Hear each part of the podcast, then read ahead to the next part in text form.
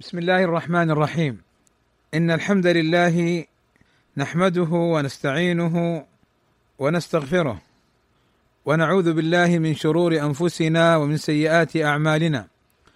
من يهده الله فلا مضل له ومن يضلل فلا هادي له. وأشهد أن لا إله إلا الله وحده لا شريك له. وأشهد أن محمدا عبده ورسوله. يا أيها الذين آمنوا اتقوا الله حق تقاته ولا تموتن إلا وأنتم مسلمون. يا أيها الناس اتقوا ربكم الذي خلقكم من نفس واحدة وخلق منها زوجها وبث منهما رجالا كثيرا ونساء. اتقوا الله الذي تساءلون به والأرحام. إن الله كان عليكم رقيبا. يا أيها الذين آمنوا اتقوا الله وقولوا قولا سديدا. يصلح لكم أعمالكم ويغفر لكم ذنوبكم. ومن يطع الله ورسوله فقد فاز فوزا عظيما.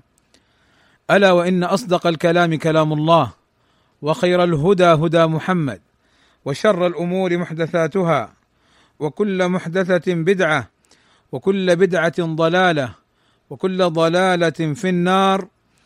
أما بعد فهذه محاضرة أتدارس فيها وأتذاكر مع إخواننا في فرنسا وهي بعنوان لزوم السنة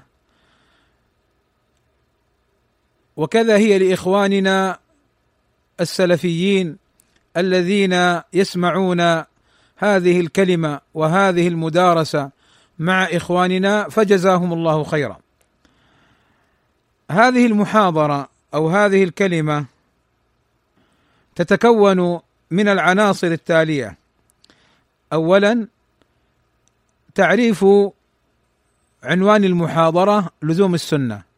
ثانيا ما أسباب الدعوة إلى لزوم السنة. ثالثا ما أهمية لزوم السنة. رابعا حجية السنة. خامسا السنة مع القرآن. سادسا من هو السني. سابعا مخالفات في فهم السنة. ثامنا موقف السلف من السنة.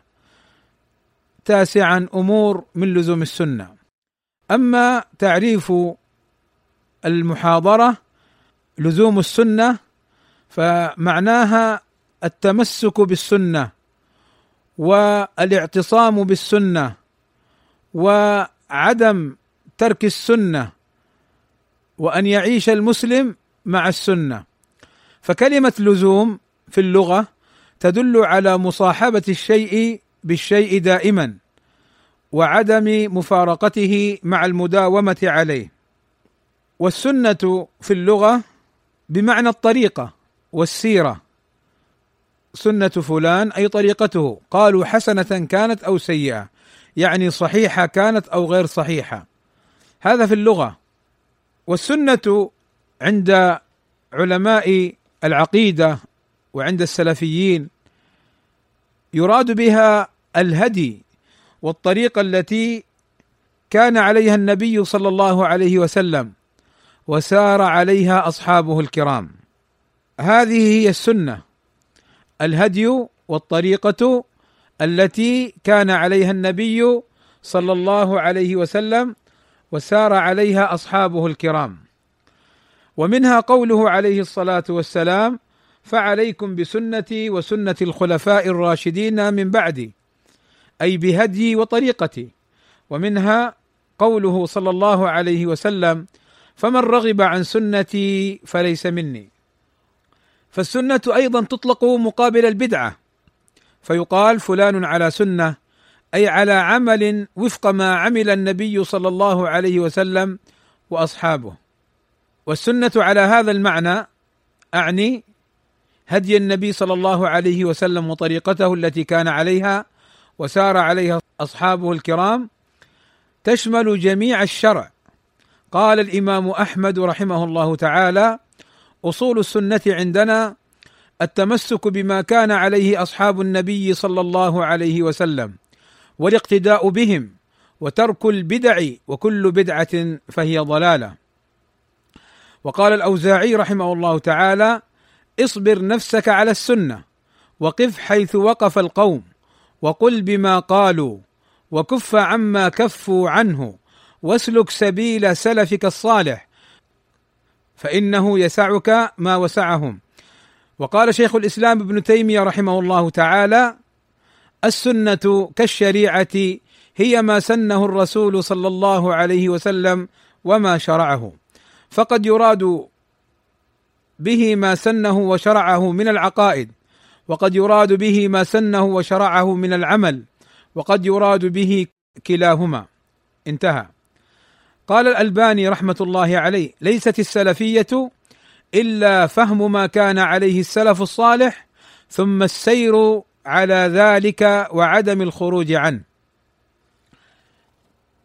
قال ابن بطة السنن التي لزم الخاصة والعامة عليها والبحث والمسألة عنها والعمل بها هي السنن التي وردت تفسيرا لجملة فرض القرآن مما لا يعرف وجه العمل به إلا بلفظ ذي بيان وترجمة. قال تعالى وأقيموا الصلاة وآتوا الزكاة وقال وأتموا الحج والعمرة. وقال كتب عليكم الصيام كما كتب على الذين من قبلكم. فليس أحد يجد السبيل إلى العمل بما اشتملت عليه هذه الجمل أي هذه الآيات المجملة من فرائض الله عز وجل دون تفسير رسول الله صلى الله عليه وسلم بالتوقيف والتحديد والترتيب. ففرض على الأمة علم السنن التي جاءت عن رسول الله صلى الله عليه وسلم. في تفسير هذه الجمل من فرائض الكتاب أي الآيات المجملة التي ذكر فيها الصلاة والحج والصيام فإنها أحد الأصلين اللذين أكمل الله بهما الدين للمسلمين وجمع لهم بهما ما يأتون وما يتقون فلذلك صار الأخذ بها فرضا وتركها كفرا أي ترك السنة وعدم العمل بها. وإنكارها.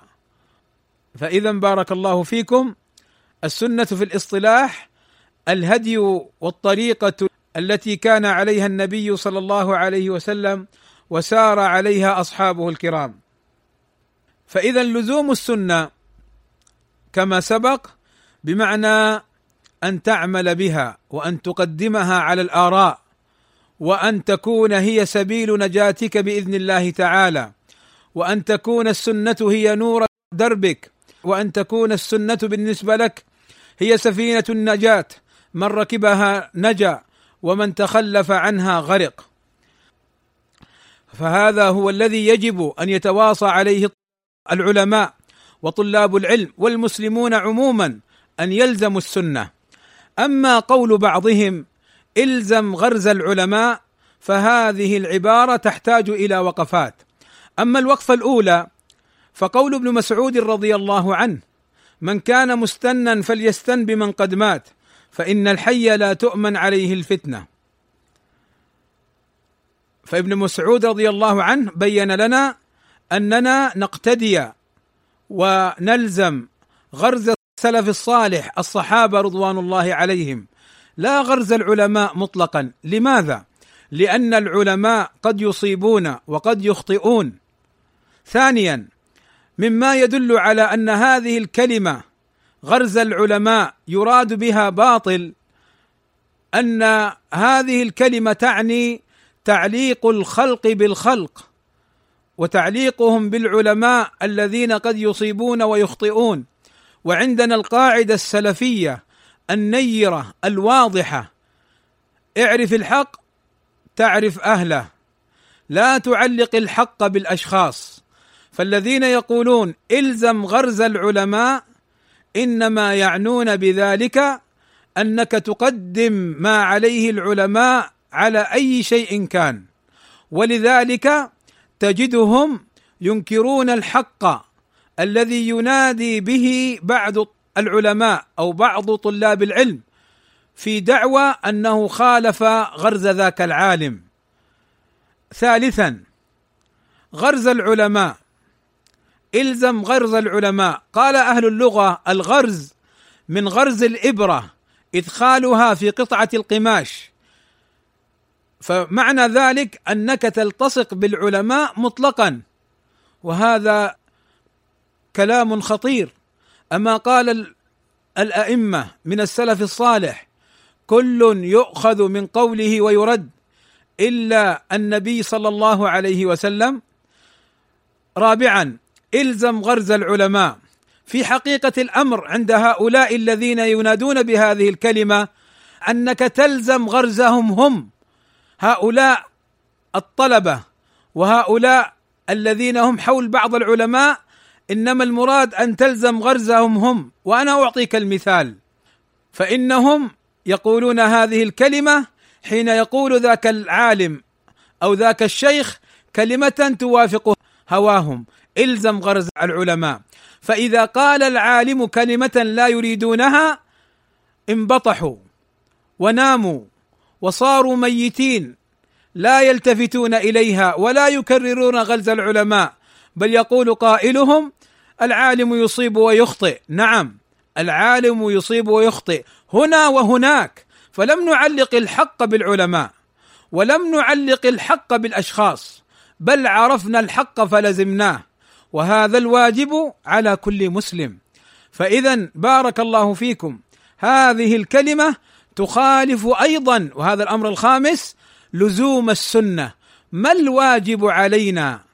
ما الواجب على كل مسلم أن يلزم السنة التي لا يأتيها الباطل من بين يديها ولا من خلفها أم يلزم الخلق الذين يصيبون ويخطئون؟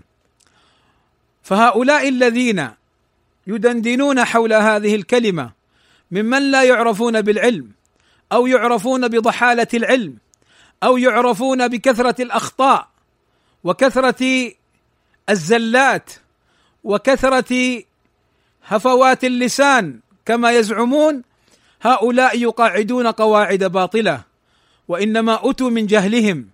نعم الرجوع للأكابر والرجوع للعلماء لا يلزم منه أن تلزم غرزهم بمعنى أنك تأخذ كل ما قالوا. ولذلك من تلبيس بعض الملبسين قول ذلك المهرج الليبي حينما قال لا بد أن تسلم للعلماء. إيش تسلم للعلماء؟ ما هذا؟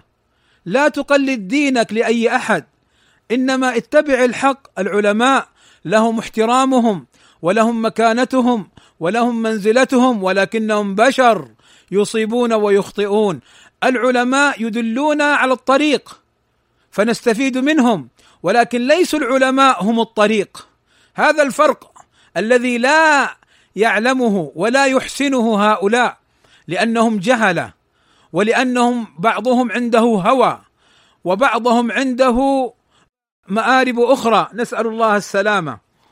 فبارك الله فيكم. فرقوا بين الأمرين بين الرجوع للعلماء استفادة واستنارة واستئناسا وكونهم يدلوننا على الحق.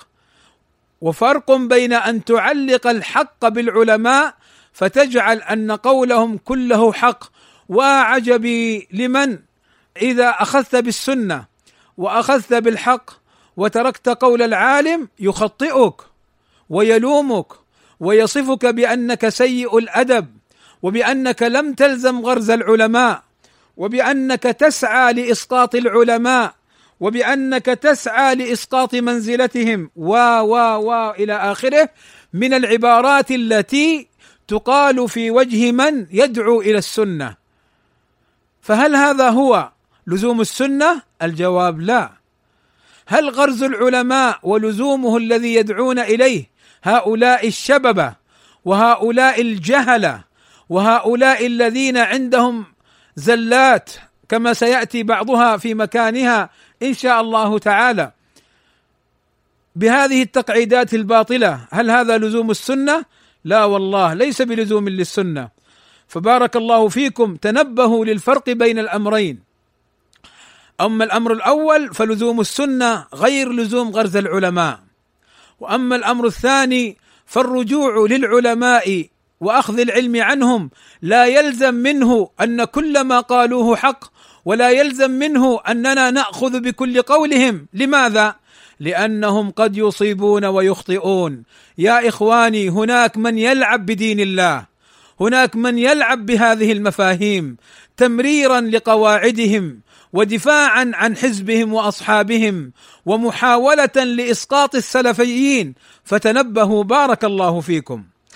وأما أسباب دعوة السلفيين إلى لزوم السنة فأقول كما قال الحسن البصري رحمه الله تعالى وقد مر معنا سابقا قول قول ابن مسعود حينما قال من كان مستنا فليستن بمن قد مات فإن الحي لا تؤمن عليه الفتنة. فإن من أسباب الدعوة إلى لزوم السنة الأمان من الفتنة. فمن لزم السنة التي كان عليها النبي صلى الله عليه وسلم وكان عليها أصحابه الكرام فإنه ينجو من الفتنة كما قال ابن مسعود رضي الله عنه. وأيضا كما قال الحسن من كان متاسيا فبرسول الله صلى الله عليه وسلم. أي وأصحابه الكرام. وقال سفيان وجدت الأمر أي الدين والعلم والنجاة والعصمة والفوز والحق وجدت الأمر الاتباع. اتباع لمن؟ اتباع للعلماء؟ لا. لأن العلماء قد يصيبون ويخطئون فلا يعلق الحق بهم. وإنما اتباع للرسول صلى الله عليه وسلم. واتباع لأصحابه الكرام. قال ابن سيرين كانوا يقولون ما دام على الأثر أي على السنة فهو على الطريق. وقد ذكر الإمام الألباني رحمه الله تعالى بعض الأسباب التي تحمل أهل السنة للدعوة إلى السنة وترك كل ما يخالف السنة فمنها أن السنة المرجع الوحيد بعد القرآن الكريم وذلك بالإجماع. ومنها أن السنة عصمة من الوقوع في الخطأ وأمان من التردي في الضلال ومنها أنها حجة ملزمة باتفاق المسلمين. السنة حجة ملزمة يعني يلزم العمل بها باتفاق المسلمين. ومنها أنه لا يمكن القضاء على ما دخل في المسلمين من البدع والأهواء إلا من طريق السنة كما أن السنة سد منيع للوقوف في وجه المذاهب الهدامة والآراء الغريبة التي يزينها أصحابها للمسلمين فيتبناها بعض دعاتهم ممن يدعي التجديد والإصلاح ونحو ذلك ومنها أن المتمسك بها يكون على مثل اليقين في الأحكام التي يأخذ بها أي على اليقين بخلاف آراء الرجال ومنها أن السنة تسد الطريق على الذين يريدون أن يتحللوا من الإسلام. إلى آخر كلامه رحمه الله تعالى. فهذه بعض الأمور التي تبين لنا وتوضح لنا لماذا ندعو إلى لزوم السنة ولماذا نبين أن قول بعضهم إلزم غرز العلماء ليس بصواب. بهذا الإطلاق وإنما العلماء لا شك أنهم ورثة الأنبياء ويستفاد منهم ولكن لا يعلق الحق بهم. ولا يلزم بقولهم إلا إذا كان موافقا للكتاب والسنة وما كان عليه سلف الأمة. ولقد رأيت بعض الناس يستنكر مثل هذه الكلمات وكأننا جئنا بدين جديد وسيأتي من قول ابن مسعود رضي الله عنه كيف إذا ألبستكم الفتنة وإذا عمل بالسنة قيل عمل بالبدعة وسيأتي هذا. والنقطة التي تليها أهمية السنة. لا شك إخواني وكلنا نعلم أن السنة مهمة وعظيمة ولكن نحتاج إلى عمل. وزيادة على ما نعلمه أورد عليكم بعض آثار السلف. قال أبي بن كعب رضي الله عنه عليكم بالسبيل والسنة. فانظروا أن يكون عملكم إن كان اجتهادا أو اقتصادا أن يكون ذلك على منهاج الأنبياء وسنتهم. فهنا أبي بن كعب رضي الله عنه يوصينا أن نلزم السنة لأن قوله عليكم هذا كما يقول أهل الأصول أصول الفقه من الصيغ الدالة على الأمر. عليكم أي إلزموا. اسم فعل أمر عليكم أي إلزموا. عليكم بالسبيل والسنة. وقال سليمان التيمي أحاديث النبي صلى الله عليه وسلم عندنا كالتنزيل أي كالقرآن. يعني كما قال أهل العلم من جهة الاستعمال ومن جهة كونها وحيا ومن جهة كونها حقا. ولذلك قال حسان بن عطية رحمه الله تعالى كان جبريل ينزل على النبي صلى الله عليه وسلم بالسنة كما ينزل عليه بالقرآن. ومما يدلنا على أهمية السنة الأمور التالية. منها أن السنة تجنب الأهواء والردى. قال مجاهد وأبو العالية والله لا أدري أي النعمتين أعظم علي أن هداني الله للإسلام أو عافاني من هذه الأهواء. يعني كوني أسلمت فنجوت من الشرك والكفر هذه نعمة وكوني على السنة ملتزما بها عاملا بها معتقدا لها.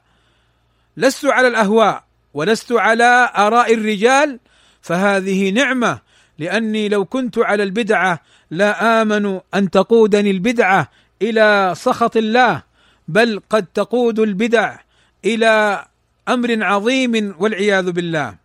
ومن فوائد وأهمية السنة أن السنة هي الدين فإذا ذهبت السنة ذهب الدين. قال ابن مسعود رضي الله عنه كيف بكم؟ إذا ألبستكم الفتنة. يعني انتشرت. يربو فيها الصغير يكبر فيها الصغير ويشيب فيها الكبير. إذا غيرت يعني البدعة والفتنة قيل غيرت السنة. والله هذا حصل. والله رأيناه. تأتي وتدعو الناس إلى العمل بالكتاب والسنة. وما كان عليه الصحابة.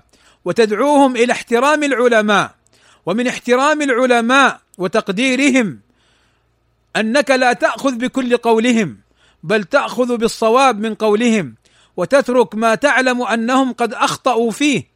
فإذا فعلت هذا قالوا سيء الأدب وقالوا ضل وانحرف وقالوا ينتقص العلماء وقالوا يريد أن يسقط العلماء وهكذا تسلسلوا سلسل الله جهلهم وهداهم للصواب.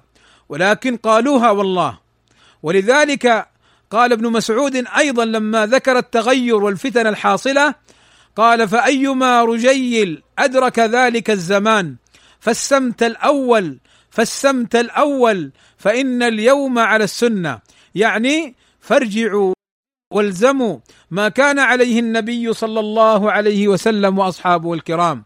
انظروا ما قال ابن مسعود إلزموا غرز العلماء وإنما قال إلزموا السنة والزموا هدي النبي صلى الله عليه وسلم والزموا ما كان عليه الصحابة الكرام. ولذلك للأسف الشديد كم وكم يحارب أهل السنة العاملين بها الداعين إليها ويحذر منهم ويسعى لإسقاطهم وإن كان بفضل الله عز وجل اولا وآخرا. بفضل الله عز وجل اولا وآخرا. ظهر لكثير من الناس خطر هؤلاء الذين يحاربون السلفيين وفضح أمرهم وانكشفت أوراقهم وظهر جهلهم وظهر ضررهم على الإسلام والمسلمين. كيف؟ كيف مثل هؤلاء يصدرون لدعوة الناس وتعليمهم وهم يجهلون أمورا أساسية في الدين. كيف يستقيم الظل والعود أعوج؟ نعوذ بالله. نعوذ بالله من هذا الخطأ. نحن لا نقول نحن لا نقول بأن الإنسان لا يخطئ ولكن سيأتي إن شاء الله معنا الفرق بين الخطأ والخطأ. والفرق بين الخطأ القليل والخطأ الكثير. إن شاء الله في مكانه. قال الثوري رحمه الله تعالى الدين الآثار. أيضا مما يدل على أهمية السنة أن السنة تعصم المسلم من الفتن. قال ابن مسعود بعد أن ذكر سنة النبي صلى الله عليه وسلم قال ابن مسعود ولو تركتم سنة نبيكم لضللتم. وقال عمر بن عبد العزيز رحمه الله تعالى أوصيك بتقوى الله والاقتصاد في أمره واتباع سنة نبيه صلى الله عليه وسلم وترك ما أحدث المحدثون بعدما جرت به سنته وكفوا مؤنته فعليك بلزوم السنة فإنها لك بإذن الله عصمة. وقال الزهري الإعتصام بالسنة نجاة.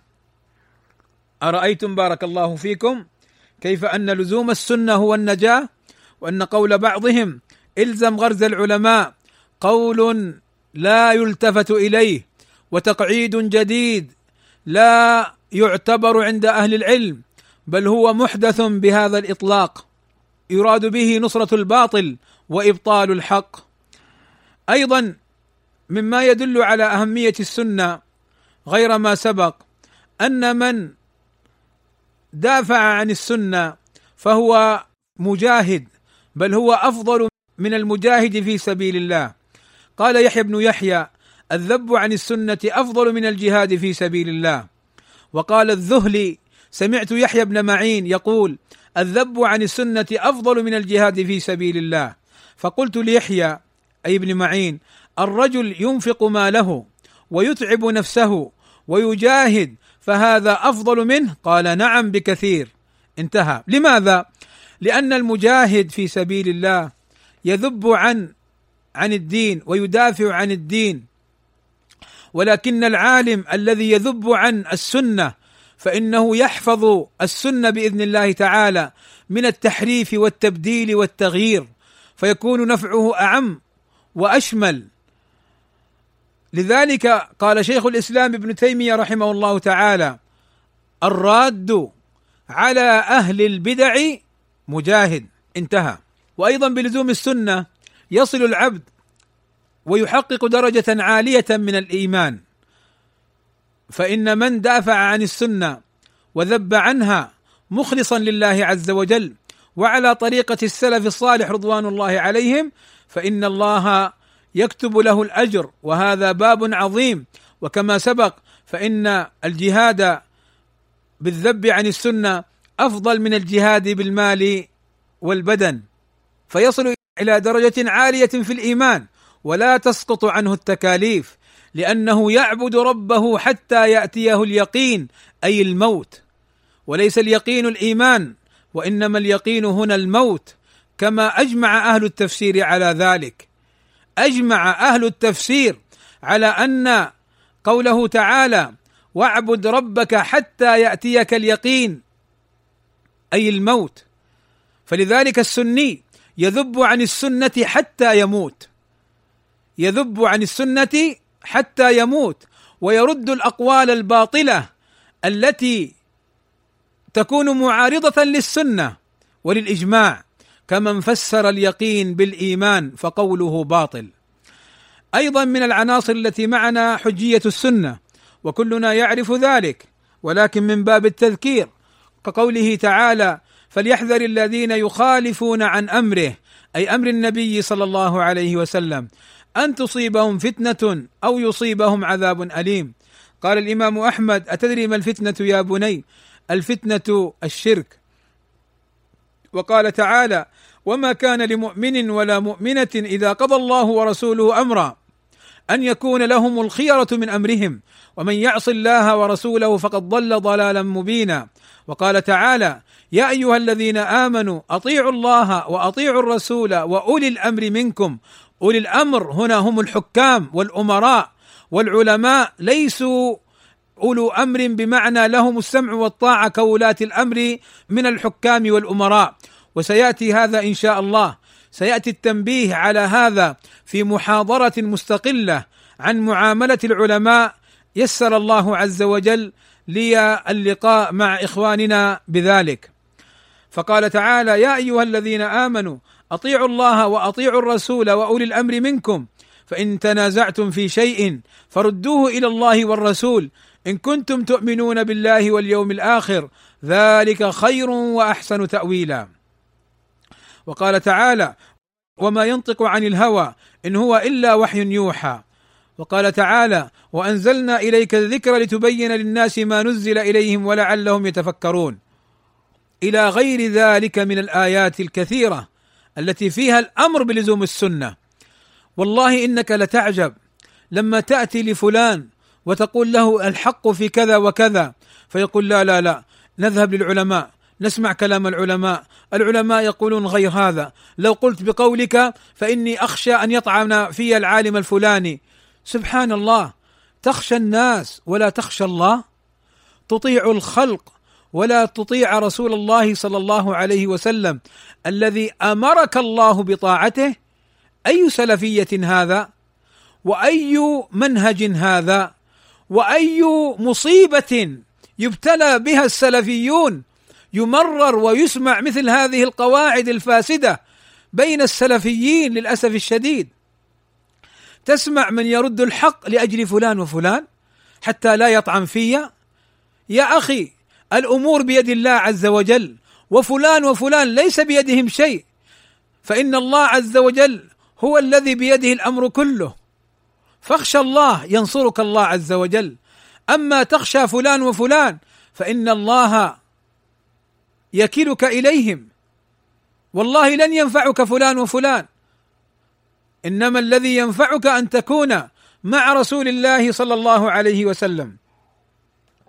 ومع الكتاب ومع السلف الصالح رضوان الله عليهم. انظروا إلى قول النبي صلى الله عليه وسلم. كل أمتي يدخلون الجنة إلا من أبى. قالوا ومن يأبى يا رسول الله؟ قال من أطاعني دخل الجنة. هل قال من أطاع زيد ولا عبيد؟ إنما قال من أطاعني دخل الجنة. ومن عصاني عصى الرسول. ما عصى زيدا أو عبيدا. قال فقد أبى. وعن المقدام ابن معد كرب رضي الله عنه قال قال رسول الله صلى الله عليه وسلم ألا إني أوتيت القرآن ومثله معه؟ ألا يوشك رجل شبعان على أريكته يعني كرسي كالسرير يجلس عليه يقول عليكم بهذا القرآن فما وجدتم فيه من حلال فأحلوه وما وجدتم فيه من حرام فحرموه يعني لا تنظروا للسنة فقط القرآن. فقال صلى الله عليه وسلم وإنما حرم رسول الله كما حرم الله. ولذلك قال النبي صلى الله عليه وسلم تركت فيكم شيئين لن تضلوا بعدهما ما تمسكتم بهما كتاب الله وسنتي ولن يتفرقا حتى يردا علي الحوض. فهذه الأدلة بارك الله فيكم فيها بيان شافي وفيها توجيه كافي وفيها تذكير وافي لكل سلفي صادق أن يتمسك بالسنة وأن يعض عليها بالنواجذ وأن يكون حريصا عليها وأن يحترم السنة. أنت حينما تقول احترموا العلماء تأدبوا مع العلماء كذا كذا يا أخي فين تأدبك مع الرسول؟ أين تأدبك مع الحق؟ أين تأدبك مع الله؟ أين تأدبك مع الصحابة؟ سبحان الله. ما هذه التقعيدات الفاسدة؟ أيضا عندنا في السنة مع القرآن. السنة مع القرآن مبينة له شارحة له موضحة له مفسرة له.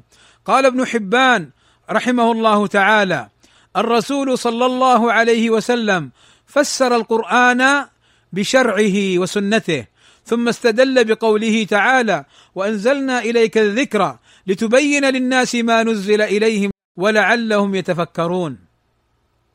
فبين ابن حبان وكذا بين ابن تيمية في مقدمة أصول التفسير أن السنة شارحة للقرآن ومبينة له ومفسرة. ولذلك قال أيوب السختياني إذا حدثت الرجل بالسنة فقال دعنا من هذا. يعني ما نبغى السنة. حسبنا القرآن يكفينا القرآن. فاعلم أنه ضال. وقال أيضا أيوب إذا سمعت أحدهم يقول لا نريد إلا القرآن فذاك حين ترك القرآن.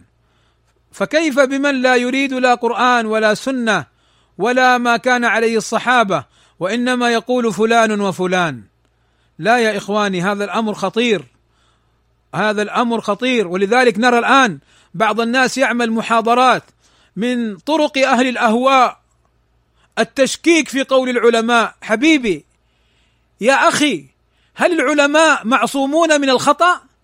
هل أنت تقول وقد جننت إذا قلت بذلك هل أنت تقول أن قول العلماء كله خطأ هل عمر رضي الله عنه حين قال لشريح إذا لم تجد في كتاب الله ولا في سنة رسول الله ولا في ما قضى به أصحاب رسول الله إذا جاك الأمر فانظر لنفسك. إن رأيت أن تتقدم فتجتهد.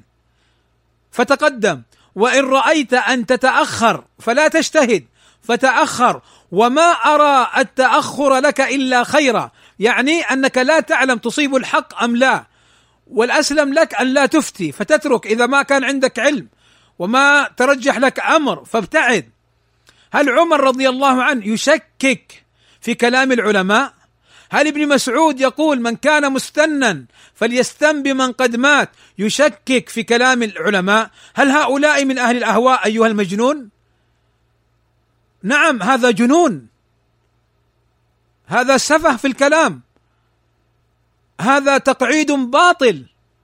هل الإمام أحمد ومالك والشافعي وأبو حنيفة وغيرهم ممن قال بقولهم كل يؤخذ من قوله ويرد إلا الرسول صلى الله عليه وسلم. هل هؤلاء العلماء شككوا شككوا في كلام العلماء؟ فهل هم أهل الأهواء؟ إن قلت بذلك فأنت مجنون لست بعاقل. روح تداوى تعالج قبل أن تعلم الناس. تعلم أنت تعلم هذه المبادئ الأساسية التي يعرفها كل سلفي والتي تحاولون أن تربوا الشباب عليها. لا والله لن نسكت عن هذا الباطل.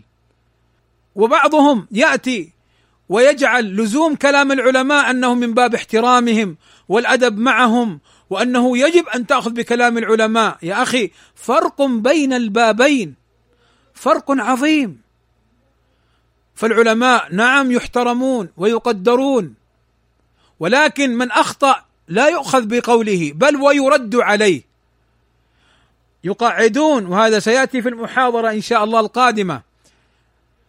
يقعدون أنك إذا رددت على العلماء أنك انتقصتهم وتسعى لإسقاطهم. أعوذ بالله.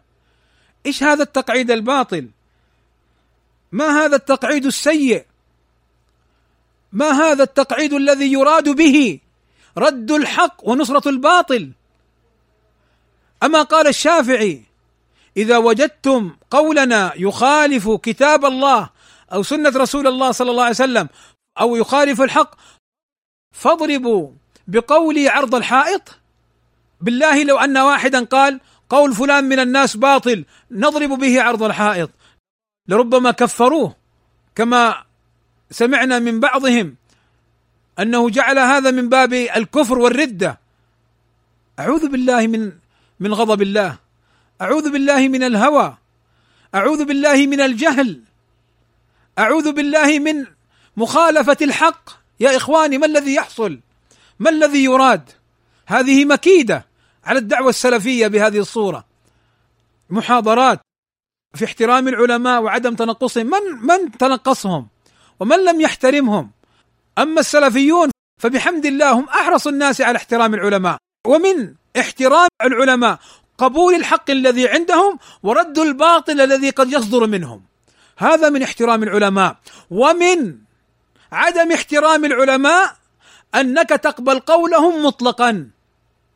فميزوا بارك الله فيكم ميزوا وفرقوا واعرفوا هدي السلف الصالح في هذه المسائل. من هو السني؟ السني هو الذي لا يتعصب لشيء من الأهواء. قال أبو بكر بن عياش لما سئل من السني قال الذي إذا ذكرت الأهواء لم يتعصب لشيء منها. إذا قيل هذا العمل باطل فرح برد البطلان وفرح بنصرة الحق. أما الذي يغضب لرد الباطل ونصرة الحق هذا يراجع سنيته ويراجع علمه ويراجع قواعده. السني إذا ذكرت الأهواء لم يتعصب لشيء منها. إذا ذكر أن العلماء يحترمون ولا يقبل قولهم مطلقا يقبل ما وافقوا فيه الحق ويرد فيه الباطل فرح بهذا. ويرد ما قالوه من باطل يفرح بمثل هذا.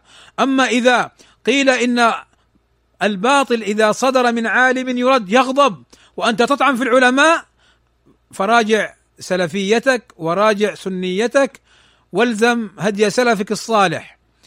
أيضا السني يحب أهل الحديث ويتبعهم.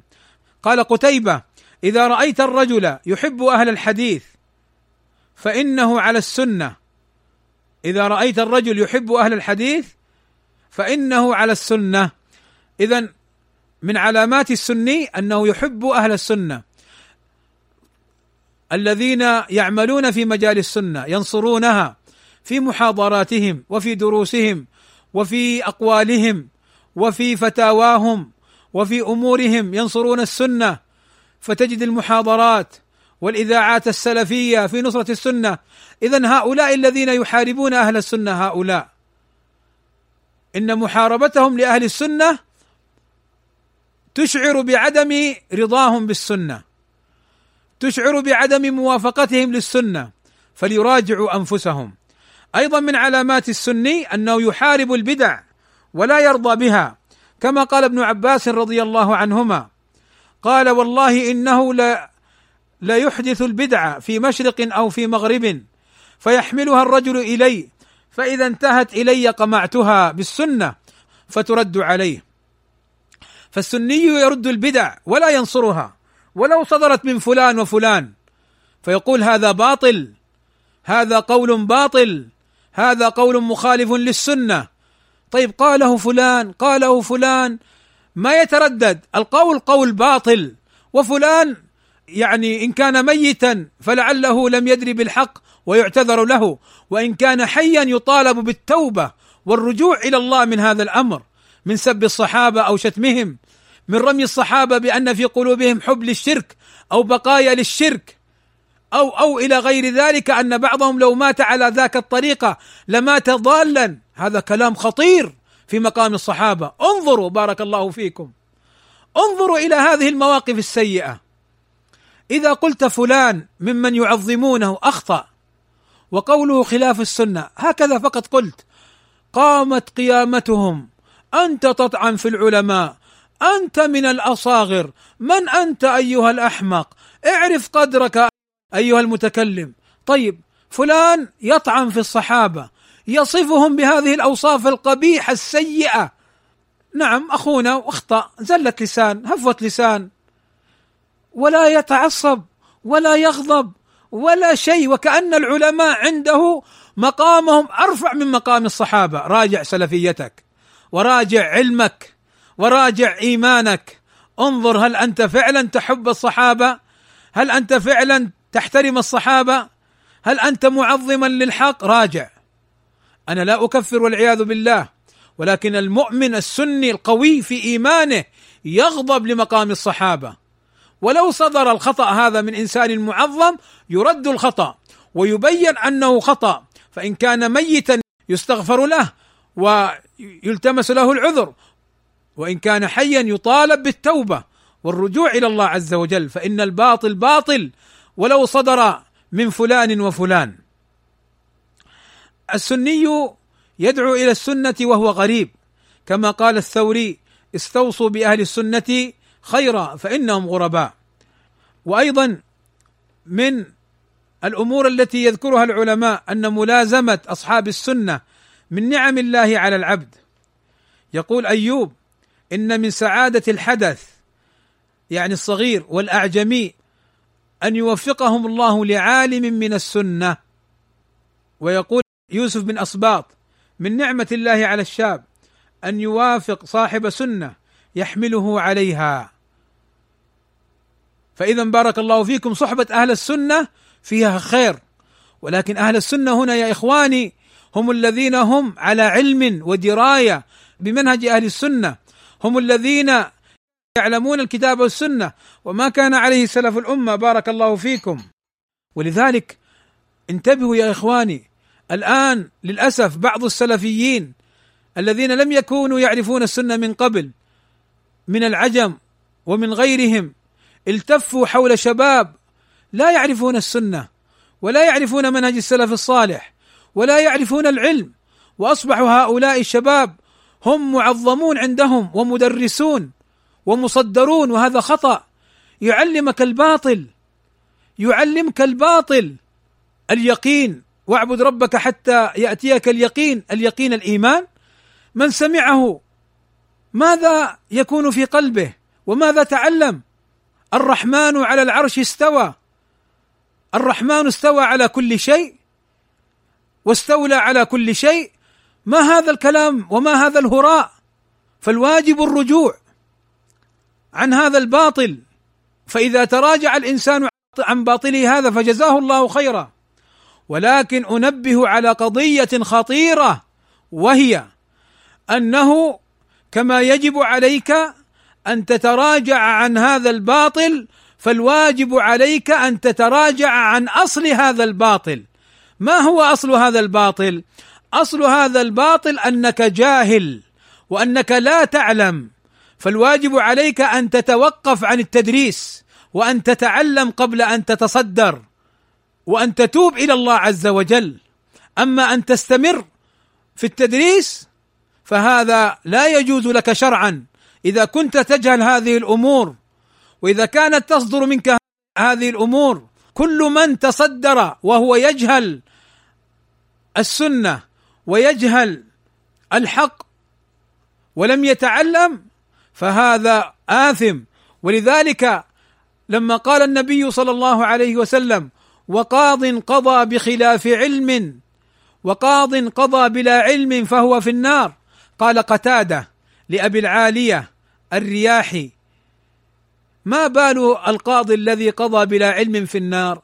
قال له أبو العالية كان حقه إذا لم يعلم أن لا يقضي بين الناس. فكذا نقول كان حقك إذا لم تعلم أن لا تتصدر للتدريس. العلم دين ودين الله ليس بلعبة. العلم قال الله قال رسوله قال الصحابة وهذه ليست لعبة وتجارب. تتكلم بالخطأ وتتجرأ بالكلام في دين الله بالخطأ والأخطاء. زلات وزلات وزلات. نعم ما في أحد معصوم. نعم هذا صحيح. ولكن العلماء فرقوا بين الخطأ الذي يصدر من عالم مجتهد مريد للحق وبذل وسعه فأخطأ مع إرادته للحق وبين الذي خطأه مبني على جهل أصلا. فذاك معذور. أي الذي عنده علم وبذل وسعه لكن لم يصب الحق وله أجر واحد. وأما الثاني وهو الذي تكلم في دين الله بلا علم فهو آثم بالإجماع كما قال ابن تيمية وغيره من أهل العلم. ولذلك يا إخواني أذكركم وأذكر نفسي دين الله ليس لعبة يتكلم فيه من شاء متى شاء وبما شاء. دين الله يجب أن يتلقى من الكتاب والسنة وما كان عليه سلف الأمة من العلماء ومن مصادره المعروفة. فإذا تصدر الإنسان وظهر منه العلم وظهر منه موافقة السنة حمد. وإذا تصدر الإنسان وأتى بجهالات وأخطاء وضلالات فالواجب عليه أن يتقي الله. وأن يكف شره عن الإسلام والمسلمين وأن يقف عند حده فلا يتكلم في دين الله إلا بعد أن يتعلم.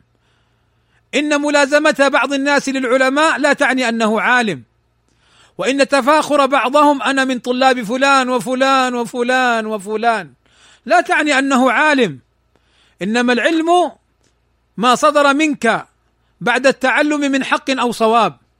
وليس العلم بكبر السن وليس العلم بمجرد التزكيات وليس العلم بمجرد الانتساب أو القرب من بعض العلماء أو خدمتهم انتبهوا. هذا ليس مجالا لأن تصف الإنسان بالعلم. ولذلك تعجب ابن رجب رحمه الله تعالى يقول عجبا لحال الناس في أمور دنياهم لا يرضون بقول أي أحد. فإذا صدر من أحد شيء وأخطأ لم يرضوا بقوله بعد ذلك. في أمور الدنيا وأما في أمور الدين فإنهم يأخذونه من كل أحد. فتعجب ابن رجب من حالهم وحق له. عجيب.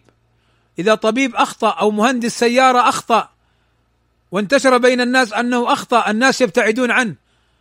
وهذا يخطئ في الصفات ويخطئ في مسائل الإيمان ويخطئ ويخطئ في العلم. وينشر الباطل جهلا منه وتصدرا بلا علم. ومع ذلك لا يترك ويلتمس له العذر ويمدح ويقدم للناس وتجد من يدافع عنه ولا يعرف بعلم. فيوصف بأنه علامة السودان. أعوذ بالله.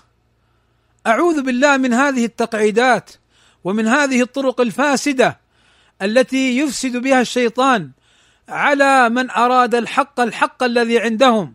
فاحذروا إخواني احذروا إخواني من هذه الأمور. احذروا من الفتن. هذه والله من الفتن. الزموا السنة والزموا العلماء العاملين بها. واعلموا أن العلماء ليسوا معصومين. لما نقول الزموا العلماء ليس كلزوم السنة وإنما هم يستفاد منهم. فما وافق الحق قبل وما عارض الحق رد. هذه القاعدة ولا تعني ابدا الطعن فيهم. ولا تعني ابدا أن فلان يصدر. يعني سبحان الله. ماذا نقول؟ هذا فلان الذي صدرت منه هذه المصائب يحذر من العلماء السلفيين. يا أخي أسكت على خيبتك. أسكت على مصيبتك. اسكت على جهلك ألا تستحي؟ تقرر الجهل ثم تحارب العلماء وطلاب العلم السلفيين وتصفهم بأنهم عوام وهم والله ما أخطأوا بعشر معشار العشر الذي أخطأت فيه وبكل وقاحة تحذر منهم. سبحان الله زمن تطاول الأقزام زمن تكلم الرويبضة. زمن تأسد السفهاء للأسف. للأسف أنا أقولها بصراحة. وليرضى من يرضى وليغضب من يغضب. هذا الحق هذا الحق. طلاب علم سلفيين وعلماء سلفيين يحذر منهم وجهال وأصحاب هوى وأصحاب محاربة للحق والسنة يصدرون ويمدحون. فلا حول ولا قوة إلا بالله. نسأل الله عز وجل أن يبصر أهل السنة وأن يبصرنا جميعا بالحق. إخواني بارك الله فيكم أختم كلمتي بقضيتين أو ثلاث قضايا مهمة متعلقة بفهم السنة. أختصر في الكلام حتى لا أطيل عليكم. وهو مخالفات في فهم السنة. بعض الناس يظن أن أمر السنة سهل يمكن مخالفته وهذا خطأ. انظروا إلى ذاك الذي أكل بشماله فقال له النبي صلى الله عليه وسلم كل بيمينك. فقال لا أستطيع. فقال لا استطعت ما منعه إلا الكبر. قال فما رفعها إلى فمه. كما روى ذلك سلمة بن الأكوع والحديث في صحيح مسلم. فالأمر عظيم إخواني الذي يخالف السنة أمر عظيم. وأيضا بعضهم يظن أن قول النبي صلى الله عليه وسلم من سن في الإسلام سنة حسنة كان له أجرها وأجر من عمل بها أن السنة الحسنة هي كل عمل خير صالح ولو لم يعمله النبي صلى الله عليه وسلم. وهذا الظن باطل من وجوه. الأول أن الرواية الأخرى بينت المراد بالحسنة. قال صلى الله عليه وسلم من دعا إلى هدى مو إلى حسنة فقط فبين أن الحسنة هي الهدى. فمن دعا إلى هدى فإذا من سن سنة حسنة أي من أحيا سنة من سنن النبي صلى الله عليه وسلم. من دعا إلى هدى كان له من الأجر مثل أجور من تبعه. لا ينقص ذلك من أجورهم شيئا أخرجه مسلم. فبينت هذه الرواية أن من سن أي دعا إلى شيء مما جاء به النبي صلى الله عليه وسلم. والأمر الثاني قصة الثلاثه النفر. الذي أراد أحدهم أن يصوم ولا يفطر والآخر أن يقوم الليل ولا ينام والآخر الذي لا يتزوج النساء. فهؤلاء الصحابة رضي الله عنهم أرادوا كثرة العبادة. فالنبي صلى الله عليه وسلم قال لهم أما إني أقوم وأنام أقوم من الليل وأنام وأصوم وأفطر. وأتزوج النساء. ثم قال فمن رغب عن سنتي فليس مني. فبين أن السنة والهدي في فعله صلى الله عليه وسلم وما كان عليه النبي صلى الله عليه وسلم. وأيضا مما يدل على بطلان ذاك الفهم. قول النبي صلى الله عليه وسلم من عمل عملا ليس عليه أمرنا فهو رد. أيضا من الأخطاء في السنة أن بعضهم يظن أن المبتدع إذا كان عابدا ناسكا زاهدا صاحب أخلاق أنه أفضل من أهل السنة. قال ابن مسعود اقتصاد في سنة خير من اجتهاد في بدعة. من المفاهيم الخاطئة ظن بعضهم أنه يجوز ترك السنة لقول فلان. قال علي رضي الله عنه لم أكن أدع سنة رسول الله صلى الله عليه وسلم لقول أحد من الناس. وقال عبد الله بن عمر سنة رسول الله صلى الله عليه وسلم أحق أن تتبع من سنة ابن عباس. ابن عباس من العلماء. فعبد الله يقول سنة الرسول أحق أن تتبع من سنة ابن عباس رضي الله عنهم أجمعين. وقال عمر بن عبد العزيز لا رأي لأحد مع سنة سنها رسول الله صلى الله عليه وسلم. وقال عطاء وانظروا إلى ما قال ليس الدين الرأي. ولكنه السمع أي النقل عن النبي صلى الله عليه وسلم وعن الصحابة. الدين لم يوضع على عقول الرجال. الدين ليس دين أبي وأبوك ولا أمي وأمك. الدين دين الله عز وجل. فلا ينبغي لأحد أن يتجرأ في الكلام على دين الله عز وجل بلا علم. ولذلك انظروا إلى موقف السلف من السنة. قال الثوري ينبغي للرجل أن لا يحك رأسه إلا بأثر. وقال الإمام أحمد وكذا علي بن المديني أصول السنة عندنا التمسك بما كان عليه أصحاب رسول الله صلى الله عليه وسلم والاقتداء بهم وترك البدع وكل بدعة فهي ضلالة. ولذلك يقول الأوزاعي اصبر نفسك على السنة وقف حيث وقف القوم أي الصحابة. وقل بما قالوا أي الصحابة. وكف عما كفوا عنه أي الصحابة. واسلك سبيل سلفك الصالح أي الصحابة.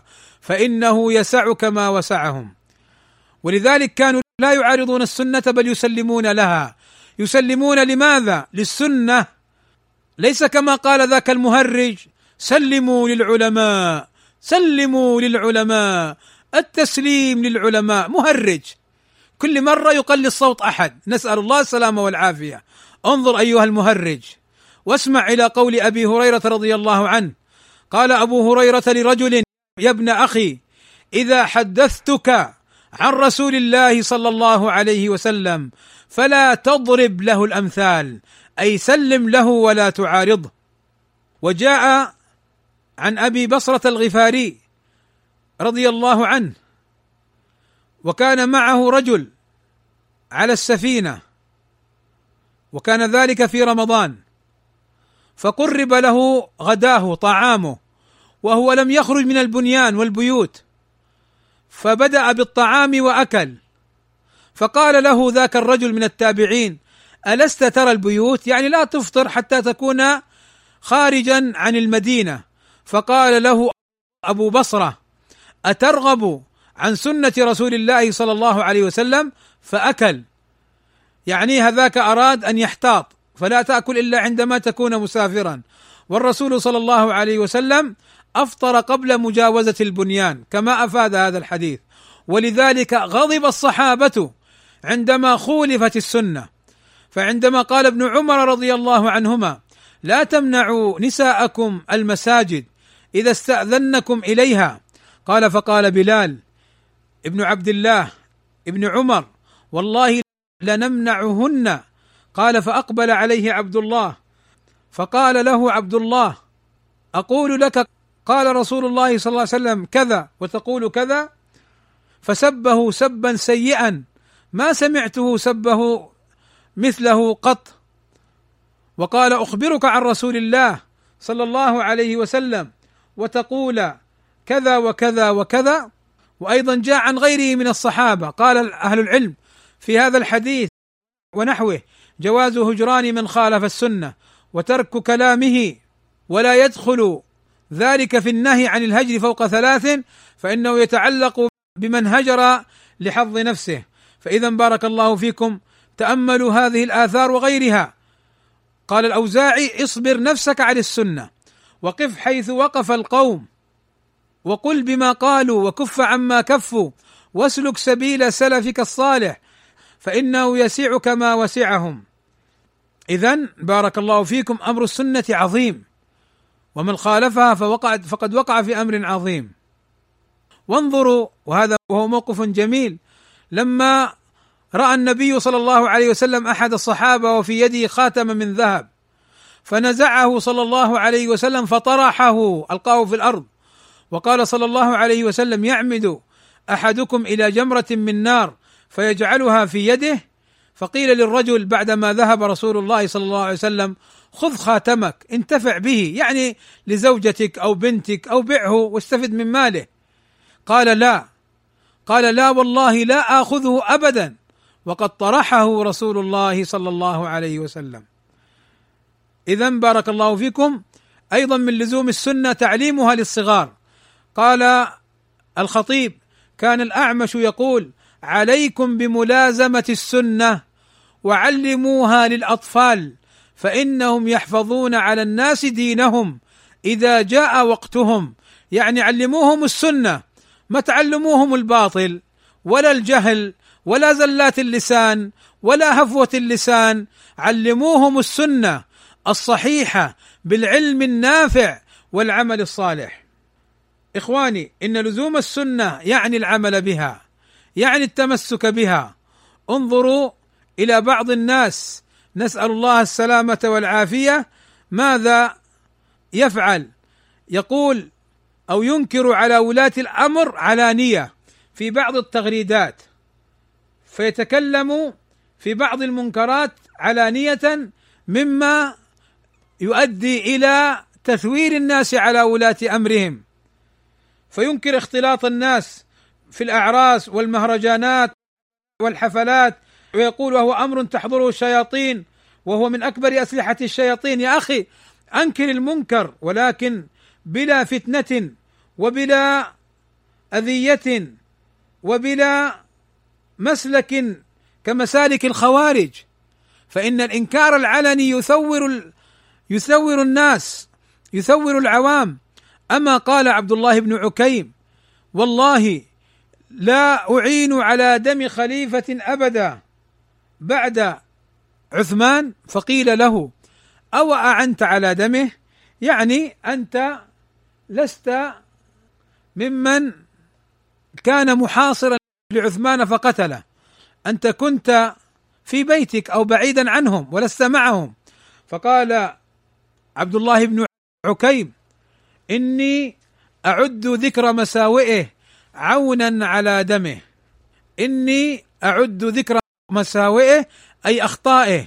يعني لما أجلس في الناس وأنكر المنكر الذي قد يكون صدر من بعض ولاة الأمر ويعرف الناس أن هذا بناء على كلام ولاة الأمر فهذا من باب تهييج الناس على ولاة الأمر. كيف تدعي أنك سلفي وتشارك في دورات سلفية وتنظم دورات سلفية وتذكر حلقات التحفيظ و و وأنك ممن يصحب العلماء ويدافع عن العلماء و و إلى آخره وأنت في حقيقة أمرك مهيج على ولاة الأمر وأنت في حقيقة أمرك تسلك مسلك الخوارج ولكن لا عجب ممن يجهل معنى اليقين في واعبد ربك حتى يأتيك اليقين ولا عجب ممن لا يفهم قول الله عز وجل الرحمن على العرش استوى فلا يفهم معنى الاستواء ويقول بالاستيلاء المعنى الباطل الذي ينسبه أهل البدع لله عز وجل. فإن الله الملك ملكه ولم ينازع أحدا في ملكه سبحانه وتعالى. فله الأمر وله الملك سبحانه وتعالى كما قال عن نفسه قل اللهم مالك الملك فهو المالك سبحانه وتعالى المتصرف فيه عز شأنه أمور لا يجهلها حتى عوام الناس. أحد يقول أن الله استولى على ملكه بل الملك ملك الله عز وجل كان الله ولا شيء معه كما في الحديث. يستوليه من من ولكن لا عجب في هؤلاء أن يثوروا الناس على ولاة أمرهم في صورة النصحه ولذلك الجاهل عدو نفسه. إخواني أذكر نفسي وإياكم. هذا دين الله العلم دين كما قال ابن سيرين. إن هذا العلم دين فلينظر أحدكم ممن يأخذ دينه. العلم دين ما هو لعبة؟ ما هو تأخذ من فلان وفلان؟ العلم ليس بكبر السن. العلم ليس ينسب للإنسان بالصحبة والمفاخرة والتزكيات التي لا تبنى على أصول. العلم لا يؤخذ كما قال الإمام مالك وغيره من أهل العلم لا يؤخذ ممن ظهر جهله فكثر خطأه. انتبهوا الأخطاء التي تصدر من العالم على نوعين عند أهل العلم. أخطاء يكون بذل فيها علمه وحاول الوصول إلى الحق وأخطأ فيه مع تأهله وأخطاء يقع فيها لجهله وإقدامه وجرأته في دين الله فهذه إذا كثرت منه وكثر منه الجرأة في الكلام على دين الله بلا علم فإنه يسقط عند أهل العلم. هذه هي القاعدة السلفية. ولذلك يقول أهل العلم أن الذي يؤخذ منه العلم لا بد أن يتوفر فيه شرطان. الأول العلم الثاني تقوى الله عز وجل. فالذي تكلم بجهل ليس عنده علم وليس عنده تقوى الله لأنه تجرأ. ولذلك قال ابن كثير إن الذي يتكلم في دين الله بلا علم يأثم ولو أصاب الحق قال ابن كثير لأنه تجرأ على الكلام في دين الله بلا علم فهو آثم لجرأته في الكلام في دين الله بلا علم. وبهذا أختم كلامي وصلى الله وسلم على نبينا محمد وعلى آله وصحبه أجمعين. والحمد لله رب العالمين.